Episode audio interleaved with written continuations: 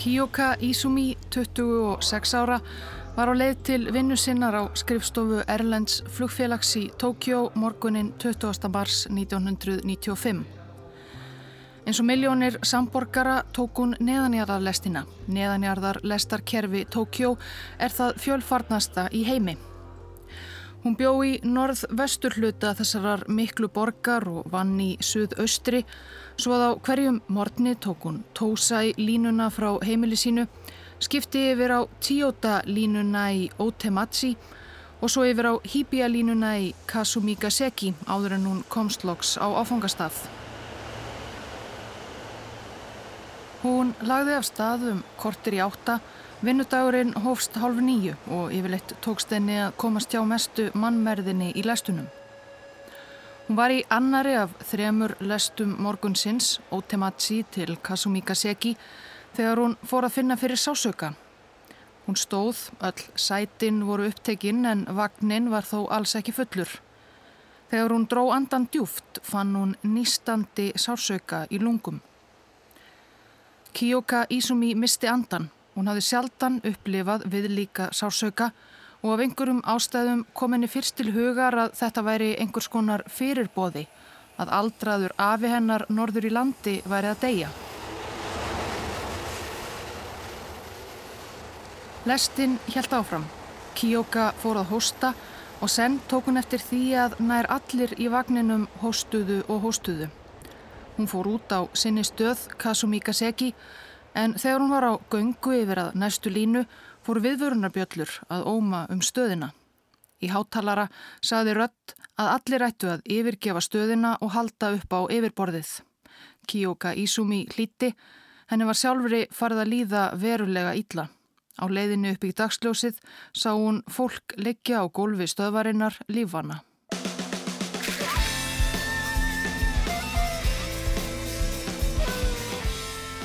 Í ríki hinn að blindu er hinn einegði konungur, svo segir allt hérnt máltækið.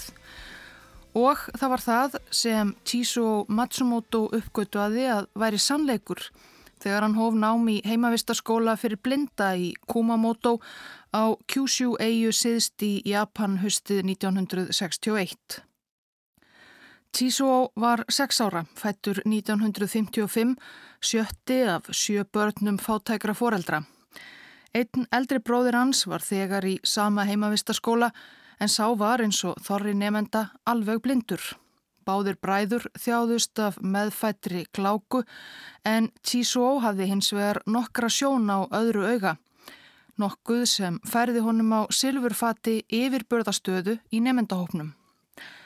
Hann sá allavega eitthvað svo að hinnir nefendurnir blindu leituðu til hans eftir aðstóð og leiðsögn þegar þeir þurftu að komast eitthvað eða sjá eitthvað. Tíso Matsumoto fór fljótt að notfæra sér stöðu sína. Hann krafðist greiðslu fyrir hverskins greiða og sapnaði þannig digrum sjóð á unglingsaldri. Hann varð gráðugur, ekki bara í peninga, heldur einnig völd. Hann lagði aðra nefendur í einelti, hafði í hótunum og emdi sífælt til slagsmála. Hann var stór og stæðilegur með við aldur og snundaði jútó, bardaga í þrótt sem hendar sjónskertum vel. Tíso Matsumoto, sem síðar varð allræmdur undir öðru nafni, vakti von bráðar óta meðal nefenda jamt sem kennara.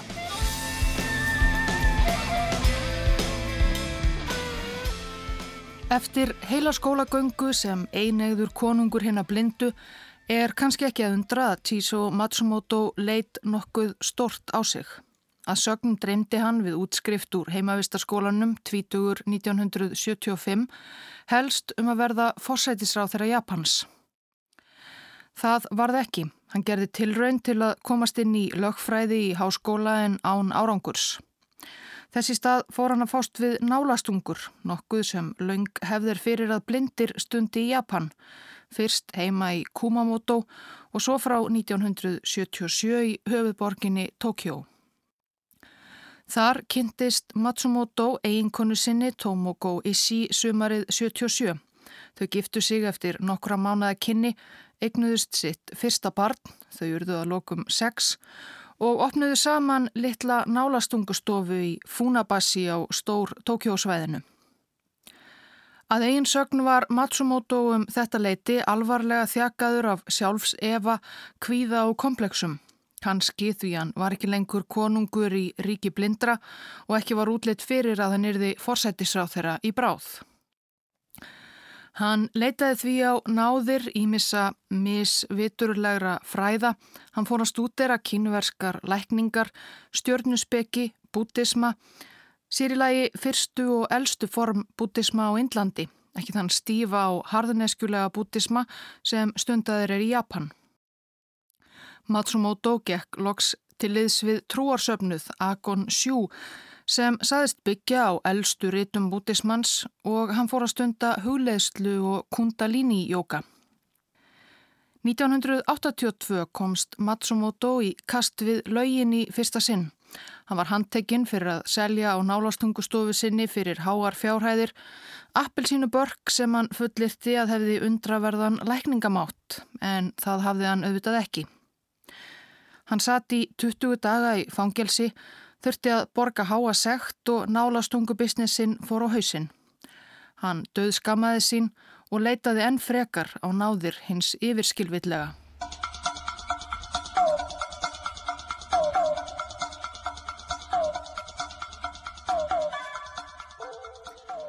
Árið 1984 stopnuðu Matsumoto og kona hans örlítið jókastúdjó í leiguhúsneði í Shibuya, líflegu verslunarkverfi Tókjó og höfðu með sér nokkra félaga ár Agon Sjú söpnuðinum sem sína fyrstu kuna. Jókastúdjóið fekk nafnið Óm eins og hefð heilaga atkvæði sem notað er í hinduabænum og jókaeðkun.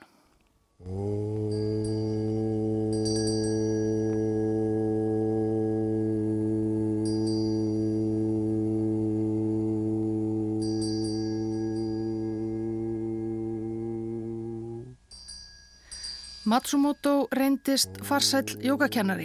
Hann var liðugur, hljómaði fróður og leit líka samfærandi út, búin að láta sér vaksa sítt hár og skegg.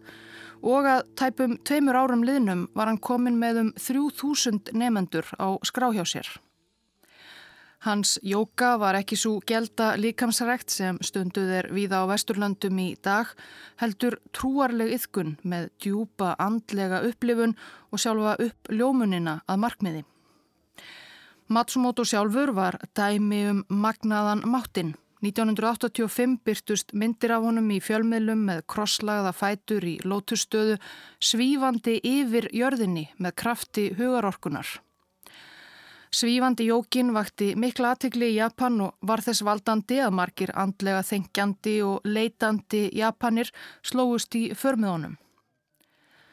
Hið rétta var að Matsumoto var þannig bara að plata, rétt eins og með galdra appilsínubörkin nokkur árum áður. Hann hafði setið í lótusstöðu og svo ítt sér upp af gólfinu með höndunum. Myndirnar í blöðunum af honum svífandi voru teknar þetta eina sekundubrótt sem hann helst í loftinu.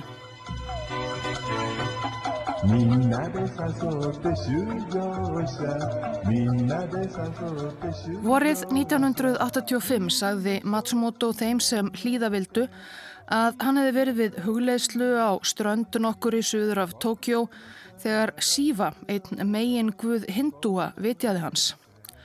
Sífa hinn mikli útnemdi Japanan guðljósins og leðtoga herja guðana og fól honum að stopna nýtt útópíst ríki hinn að uppljómuðu og dölspöku, konungsríkið Sjambala, eða svo sagði Matsumoto. Nokkru síðar fór Matsumoto í ferðalag til Indlands og Tíbet þar sem hann hitti ímsa andansmenn, gúrúa og lama og sagðist hafa náð sjálfri uppljómuninni við hugleðslu við rætur heimalægafjalla. Andans mennirnir dróðu það reyndar í Eva, sögðu ómögulegt að ná uppljómun með örfára daga hugleðslu. En hvað um það? Matsumoto fekk myndir af sér með þeim til að taka með heim. Hann náði meira að segja mynd af sér með sjálfum Dalai Lama. Meðfram því að Matsumoto varð sífælt meiri gúrú fór jókastúdíóið hans heima í Tókjó að taka á sig aðra mynd. 1987 var jókafélagið Óm formlega skráð sem trúfélag og fekk nafnið Óm Sinrikjó eða Óm hinn aðsti sannleikur. Heimur Óm var þarna orðin mun umfangsmeiri en bara einhver jókaeðkun. Matsumoto tók upp nýtt nafn sem hljómaði merkilegra Shoko Asahara. Hann pretikaði orðið einhvers konar blöndu af bútisma, hinduisma, kristni, spátumum, Nostradamusar og hverskins hindurvittnum öðrum með sjálfan sig sem miðpunkt. Guð, ljósins og leðtoga herja Guðana.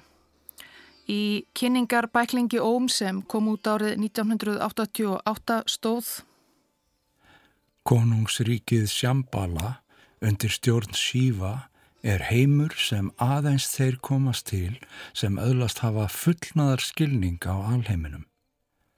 Meistari Asahara er komin þaðan til hins mennska heims endur fættur sem Messias. Tilraunir meistarans til að líkamna sannleikan í veröld manna eru með velþóknun hins mikla sífa. Japan var þarna á hátindi mikils efnahagsuppgangs í bólu sem var endar við það að springa. Japanir höfðu aldrei haft það betra. Þrátt fyrir það, eða kannski einmitt þess vegna, var engin skortur á leitandi ungu fólki, leitandi að einhverju dýbra, merkingar þrungnara en lífsgæða kaplaupinu á hamstrahjólinu. Lítum á ástand Japans og heimsins. Við stöndum frammi fyrir hættu ástandi vegna hraðrar aukningar egoisma. Spádómar mestara Asahara eins og árekstrar í viðskiptasambandi Japans og Bandaríkjana, aukin útgjöld til varnarmála og jarðhræringar við Fuji hafa þegar ræst. Ef við leifum þessari djöfulegu orku að magnast verður erfitt að forðast kjarnorkustríð í lok aldarinnar. Óm Sinrikjó talaði inn í samtímannað vissu leiti En boðskapur hins mynda meistara var einnig fljótt orðin svart sín. Fylgdu menn ekki óm að málum stemdi allt í óefni. Óm Shinri Kjó mun breyta Japan í Shambhala, breyða heilagan heim óm út um allt Japan og gera landið að bækistöðum frelsunar heimsbyðarinnar. Þetta getur ekki orðið án aðstúðarinn að trúiðu. Komdu og vertu með. Viltu ekki vera með að byggja samfélag byggt á sannleika og hjálpa sífælt fleiri sálum að lífa í sannleika og leiða til frelsunar og lífs á herra tilverustígi? Viltu ekki hjálpa okkur að komast hjá stórslisi og byggja framtíð hamingu?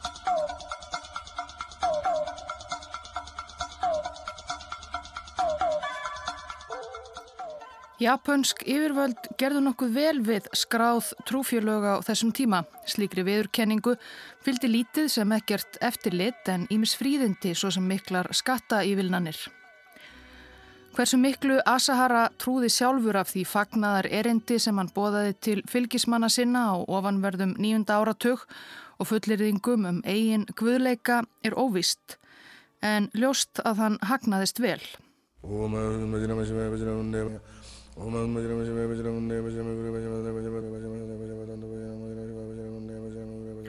Engin gatt gengið til liðs við óm án þess að undirgangast víkslu aðtöfn.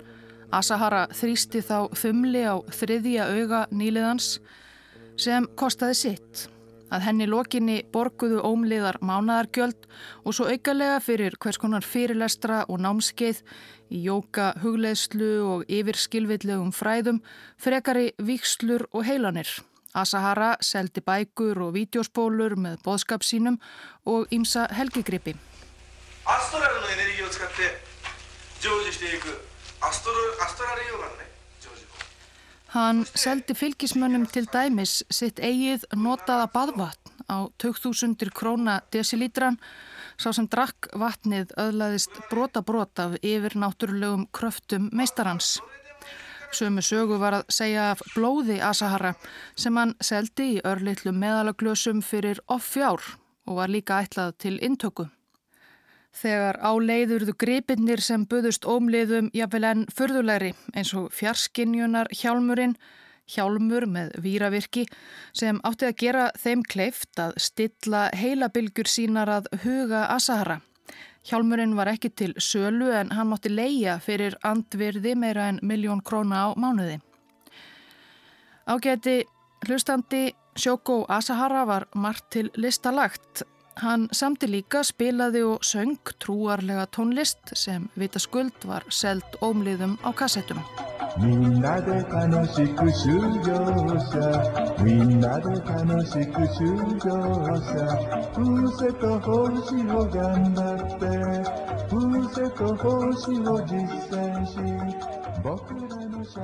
Það var mikill áhugi á nýjum trúarbröðum, hennu yfir skilveitlega og ýmsu nýjaldar stúsi í Japan á þessum tíma. Hinn fúlskeggjaði jókagúru Asahara vakti aðtikli, kom fram í spjallþáttum í sjónvarpi brósmildur, ætið í litríkum kuplum með einhverja djúbspeki á vörum. ヨガのそしてまた超能力者でございます。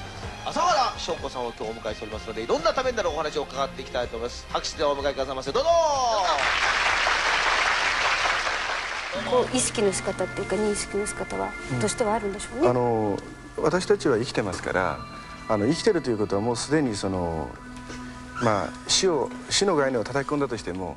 Við erum á lífi, það þýðir að við munum aldrei skilja almennilega hugmyndinu um döðan. Þannig að fyrsta kennisetning óm er tilvist döðans. Söpnuðurinn gaf meira að segja út eigin anime teiknumyndaþætti um kraftaverk meistarans.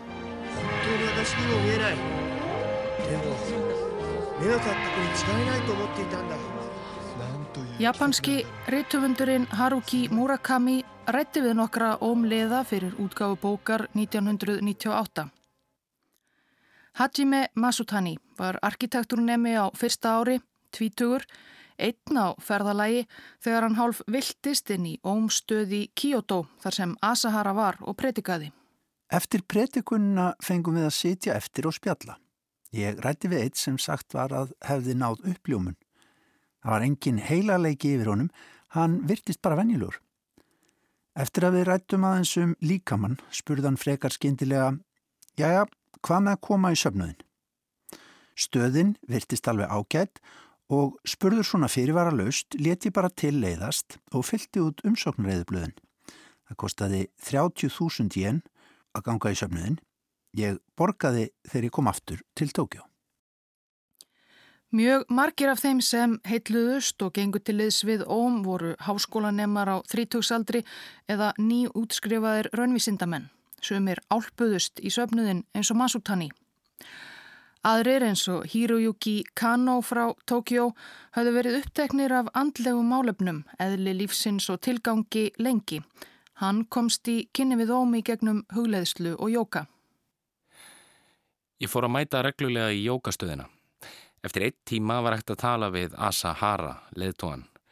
Ég spurði hvað ég ætti að gera til að bæta hilsuna. Hann sagði, þú verður að gerast munkur. Það var eins og hann sægi á augabræði mitt sanna sjálf. Mér fannst ég ekki að hafa valum annað en að hætta í skóla og verða munkur. Ég var 22. Fljótlega var það mikilvægur hluti af kenningum óm að ekki bara hafna efnishyggjunni sem innkendi japansk samfélag heldur bókstaflega afneita öllum innum efnislega heimi. Fylgismenn voru kvartir til að afneita öllum jarðneskum eigum sínum og fyrri skildum og gerast einskonar munkar og nunnur, lifa meinleita lífi í höfuðstöðvum sem söpnuðurinn var farin að byggja sér í smáþorpinu Kami Kuisiki við rætur Fujifjalls.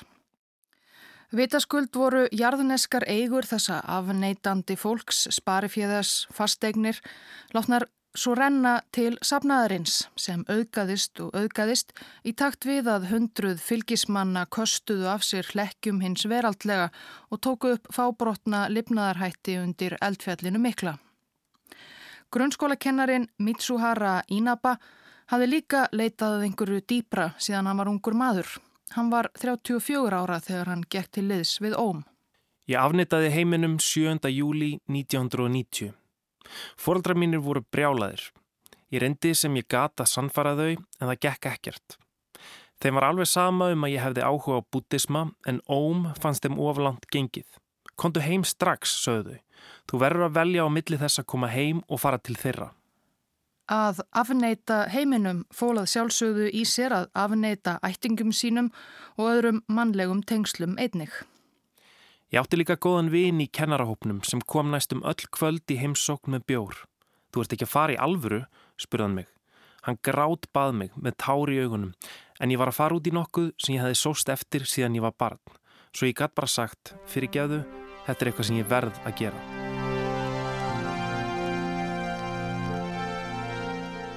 Þegar meistari Asahara var góður við mann var hann betri en nokkur sem ég hef hitt. En þegar hann var reyður var hann hræðilegasta manneskjan í lífi mínu. Munurinn var svo afgerandi að bara við að tala við hann fannst manni hann einhvern veginn innblásin. Lífið í óm var miklu erfiðara en hið veraldlega líf. En því erfiðara, því ánaðari var ég. Innri baráttunni var lokið sem ég var þakkláttur fyrir. Ég egnaðist marga vini, fullorna, börn, ganvar kerlingar, karla og konur. Allir í óm stemdu að sama markmiði, að komast á evra andlegt plan.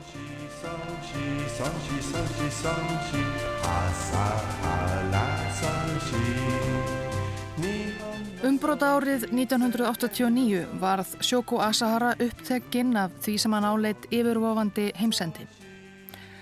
Hann setti fram ímsar endaspár meðal annars að Sovjetríkin myndu falla árið 2004, nokkuð sem síndi sig mjög fljótlega að var ofmat á lífslíkum þeirra og sagði að eina leið manneskunar til að lifa af komandi hamfarir væri að ná frelsun með hjálp kenninga óm.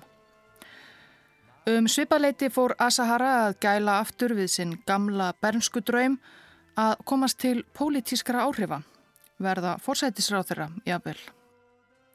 Þingkostningar voru á dagskrá í Japan í februar 1990 og Asahara ákvaðað om Sinri Kjó myndi bjóða fram.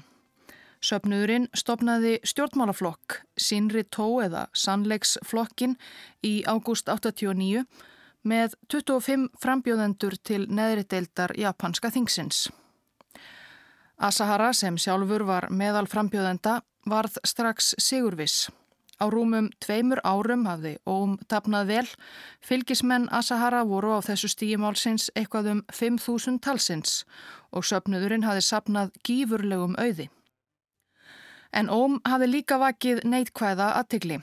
Margir foreldrar og aðstandendur ómliða voru ósáttir, höfðu hort á eftir ástvinum sínum hverfa en í það sem greinilega var sértróarsöpnuður og ánafna honum aðleiguna.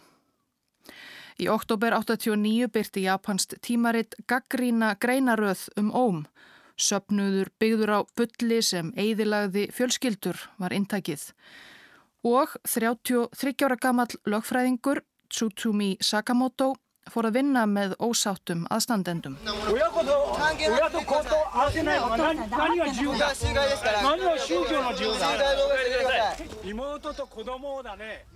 Sakamoto hafði áður rekið hóp málsókn gegn öðru svo kalluðu nýju trúfélagi í Japan henni söður kóreisku saminningarkirkju, sérvitríkisins Siramún og Sigrað.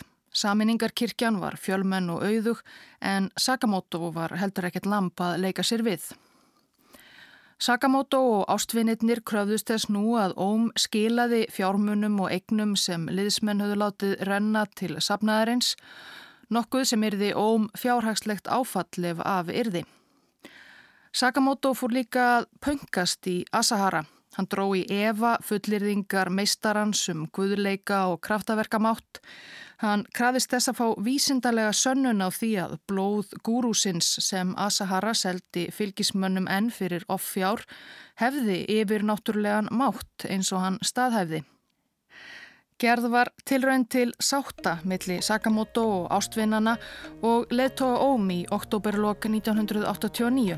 Sáfundur leistist upp í hávaðar yfirildi.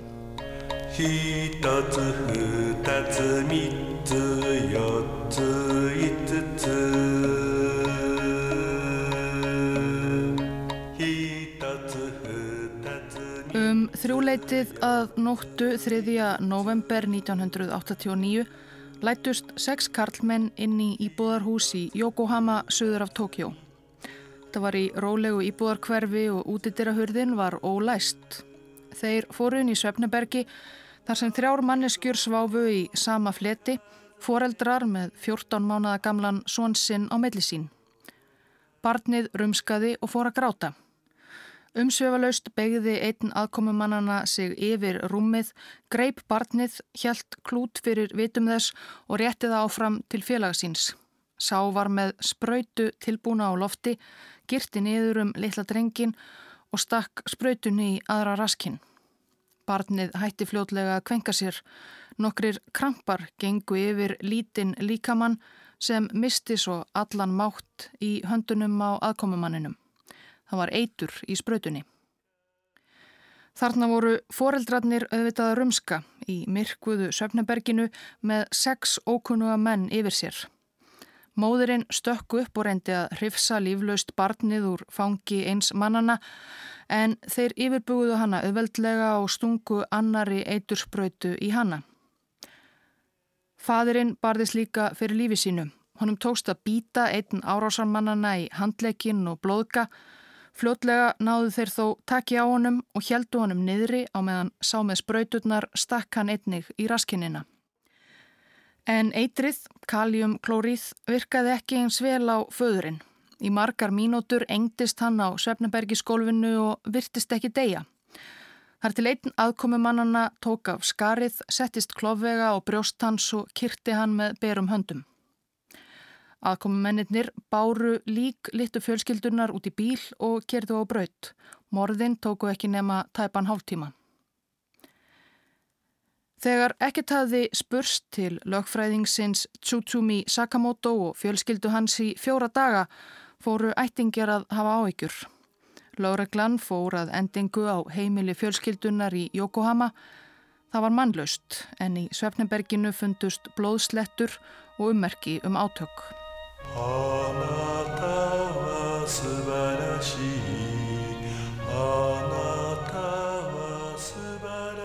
Einhverjum fannst það grunnsamlegt að Sakamoto, lögfræðingurinn sem hafði átt í harð vítugum deilum við Óm Shinrikyo og leðtógan Shoko Asahara, hirfi á svo dularfullan hátt á samt konu og barni.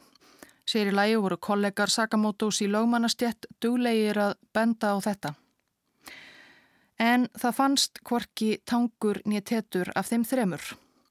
Ekki fundust heldur beinar sannanir fyrir aðkomu óm að kvarfi fjölskyldunar. Ég reyndar fannst óm barmerki á gólfinu í Söfnaberginu en það þótti lauruglu ekki nægileg sönnun af einhverjum ástæðum. Svo söfnuðurinn hjælt bara ótröður áfram. Það sem átti nú hug meistara Asahara Allan var kostningabaráttan fyrir þingkostningarnar í februar 1990. 杉並中野渋谷の皆さん新離島党首朝原翔子です Baráttan varð vægarsagt stór undarleg.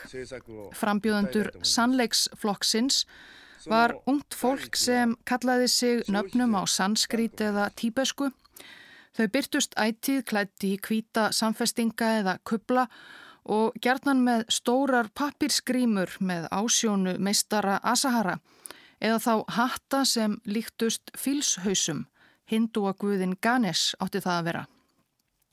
Kostningarúta sannleiksflokksins Ógum Tókjó og spilaði tónlist Asahara úr stórum hátölurum og frambjöðendur stigu dularfullan dans á þakkinu.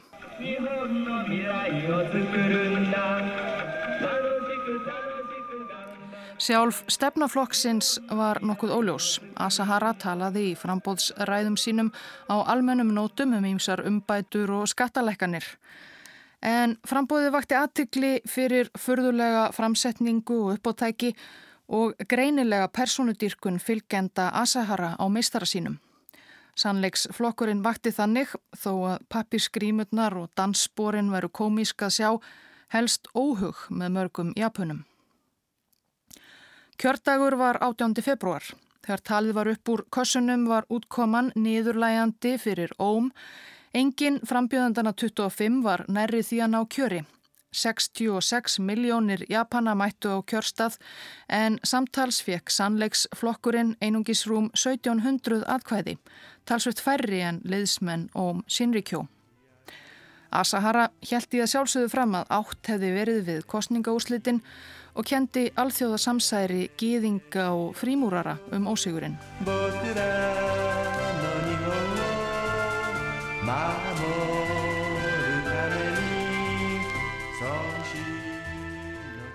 Að sjálfsögðu voru það sex útsendarar Óm Sinrikjó sem urðu Sakamoto fjölskyldunni að bana í november byrjun 89 ef það fór eitthvað á milli mála. Þeir, hátt settir menni söpnuðunum flestir, höfðu síðan ekið með líkin í bækistöðvar sapnaðarins í Kamikuishiki þar sem þeir vöfðuði minni teppi og grófuloks á víð og dreif um Japan í þremur mismunandi síslum. Það liðu mörg ár þar til lík Sakamoto fjölskyldunar loks fundust. En þetta voru ekki fyrstu döðsföllin sem skrifast á reikning Óm. Í september árið áður hafði ungur Ómliði látið lífið í tilbeðslu æfingu eins og það var kallað í heitri laug í bækistöðunum. Slíkar æfingar voru fyrir óstýrilát sapnaðarpörn sem ekki fyldu fyrirmælum meistarans eða vildu yfirgefa söpnuðinn og fólust í því að dífa sér á kaf í sjóð heitt vatn. Ungi maðurinn brendist illa og ljast. Lík hans var brent á alltari sem söpnuðurinn notaði jafnan til að færa guðunum fórnir, ávexti og aðra matvöru og ösku hans svo dreiftum nákrenni bækistöðvana. Kanski var dauði hans slis en þarna var ekki aftur snúið, starfsemi óm varð sífelt ábeldisfyllri og glæpsamleiri. Einn félagi ungamannsinn sem ljast í heitavatninu hafði orði vitni að dauða hans og yfir hilmingunni sem fyldi í kjölfarið. Hann var sjokkeraður og íhugaði að segja skilið við söpnuðinn. Í staðinn lokkuðu nokkrir úr einsta ring Asahara hann í gildru og kyrtu hann. Lík hans var sömuleiðis brent og öskunni driftum hraunið í nákrenninu. Síðar á árum rannsakaði lögregla grunnsamleg andlát á fjórðatug sapnaðarmanna í Óm þið minsta. Asahara bjóð til kenningu til að réttlæta morðin. Það væri fólki sem væri hættu á að sapna að sér vondu karma fyrir bestu að drepa það sem fyrst, svo það mætti endurfæðast. Miskun í raun og slík var miskunnseminn að söpnuðurinn þurfti að lokum að fjárfesta í sérstökum opni til að brenna líkin.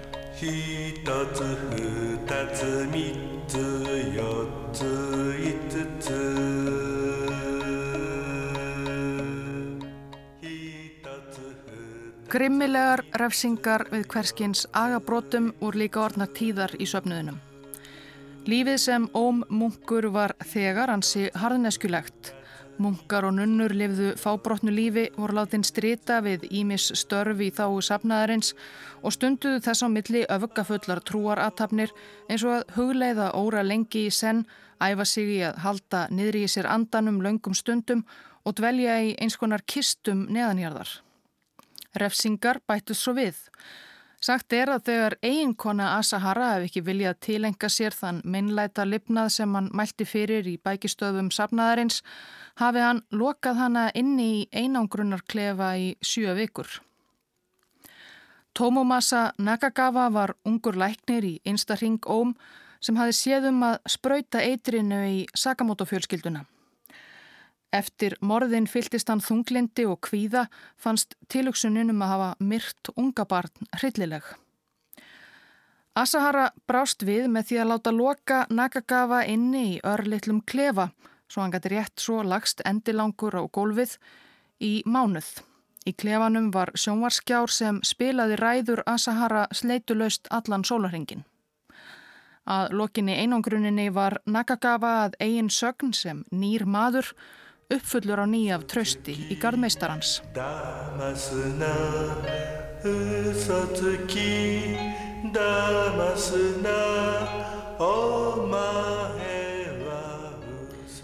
Eftir kostningaósigurinn og annað mótlæti varð Asahara sífælt svartsýtni. Hann las ofinberunarbókina og önnur domstagsritt og talaði æg meira um yfirváfandi heimsendi. Hann spáði því sitt á hvað að heimurinn veri við það að tortímast í miklum jarðskjálta, árekstri við halastjörnu eða í kjarnorkustríði og það eina sem geti bjargað mannkinni væru hans eigin kennisetningar. Eða fyrstum sinn talaði Asahara um að bjarga öllu mannkininu þegar áleið hljómaði það frekar sem svo að í yfirvofandi heimsendi myndu aðeins fylgismenn hans komast af. Hvað gerist eftir heimsendi? Þá skilur milli þeirra sála sem fara til himna og þeirra sem stefna í hið sanna helvíti. Og það er ekkert sem við getum aðgert. Við erum að sönnu hjálpar laus. Þess vegna verðum við að kanna það hvað við getum gert til að vernda okkur gegn þessari hættu, hvernig við getum tryggt að við komumst til himna. Hvers konar vörn getur Óm Shinri Kjó veitt? Við verðum að tryggja okkur stað til að vernda okkur gegn líkamlegum skada þar sem við getum haldið mennleita lífi okkar áfram. Af um 5.000 meðlimum í Óm Sinrikjó voru eitthvað um 400 munkar og nunnur sem lifðu ströngu meinleita lífi í kommunum sem söpnöðurinn kom sér upp hér og þar um Japan. Það síndi vel heimsenda higgjuna á þá örvæntingu sem nú enkendi óm að eitt helsta kapsmálið var að koma sér upp kjarnorkubyrgjum. En hvar sem óm Sinrikjó kom, kom yfirleitt til deilna við aðra íbúa. Þegar tíundi áratugur 20. aldar gekk í gard var söpnöðurinn sífælt að lenda upp á kant við allt og alla. Hann fjarlægðist samfélagið og einangraðist. Fjárhagurinn var þó enn með besta móti. Óm rakorðið Ímis arðbær fyrirtæki bæði leint og óleint, meðal annars útgáfu félag, líkamsræktar, stöðvar, veitingahús og mötuneyti, stefnumóta og ferðaþjónustu, læknastofur, fastegna-sölu, apotek og tölvuverslanir. Svo bættust við fleiri fyrirtæki. Egnarhald Óm á hverjum var haldið algjörlega leintum. Sannur tilgangur þessa fyrirtækja sömu leiðis en það er annur saga setna.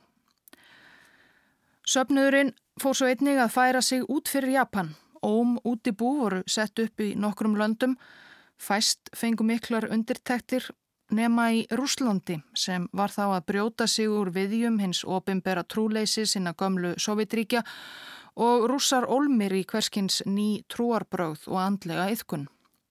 Fyrsta útibú ám í Rúslandi var sett á lækirnar 1991 og söpnuðurinn laðist í mikla auglýsingaherferð meðal annars með því að kosta klukkustundarlangan útvarstáttum óm fræði sem var á dagskrá daglega og einni helstu útvarstuð Rúslands og sambærilegir þættir voruð auki síndir í rúsnensku sjónvarpi, allt á kostnað óm. Kiyohite Hayakawa, einn af nánustu ráðgjöfum Asahara frá upphafs árum óm, var falið að hafa umsjón með uppbyggingu sapnaðarstarfs í Rúslandi og á fyrstu árum tíunda áratugar ferðaðist hann margóft til landsins, jáfnvel oft í mánuði. Líkt og í Japan var ungt fólk móttækilegast fyrir tyrfnum boðskap sapnaðarins, sírlagi ungir háskólanemar. Og söpnuðurinn í Rúslandi varði raun miklu fjölmennari en móðurskipið í Japan, Árið 1995 var áætlað að rúsnenskir meðlemið Óm Sinrikjó væri á bylnu 35 til 55 þúsund, þar af 5.500 sem livðu sem munkar og nunnur í kommunum safnaðarins. Áhugi Sjókó Asahara á Rúslandi var þó ekki einungis vegna einlags áhuga á frelsun rúsnensku þjóðarinnar. Það bjó annað að baki starfseminni í Rúslandi annar og myrkari ásetningur. Það er ekki alveg ljóst hvenar það gerðist en á einhverju stígi málsins var það ekki lengur helsta kapsmál Sjóko Asahara, meistara og sinnikjó að verjast kjarnorkustyrjöld og lifa domstag. Öllu heldur að koma domstegi í kring. Söpnuðurinn fór að výbúast. Sapnaðar liðar voru farnir að þylja ný heit, eins konar mönduru. Engurn tíman mun líf mitt enda. Það skiptir ekki máli hvort það verður eftir 20 ár, 30 eða 80. Endirinn kemur. Það sem máli skiptir er hvernig ég gef líf mitt. Ef ég fórna mér fyrir frelsunina, eigði upp öllu því illa karma sem ég hef sapnað leiða gúrúin og sífa mig yfir í herri heim. Dómstagur biblíunar nálgast, loka orustan er að hefjast. Ég verði heilugu herliði í hennum hinsta bardaga. 一つ二つ三つ四つ五つ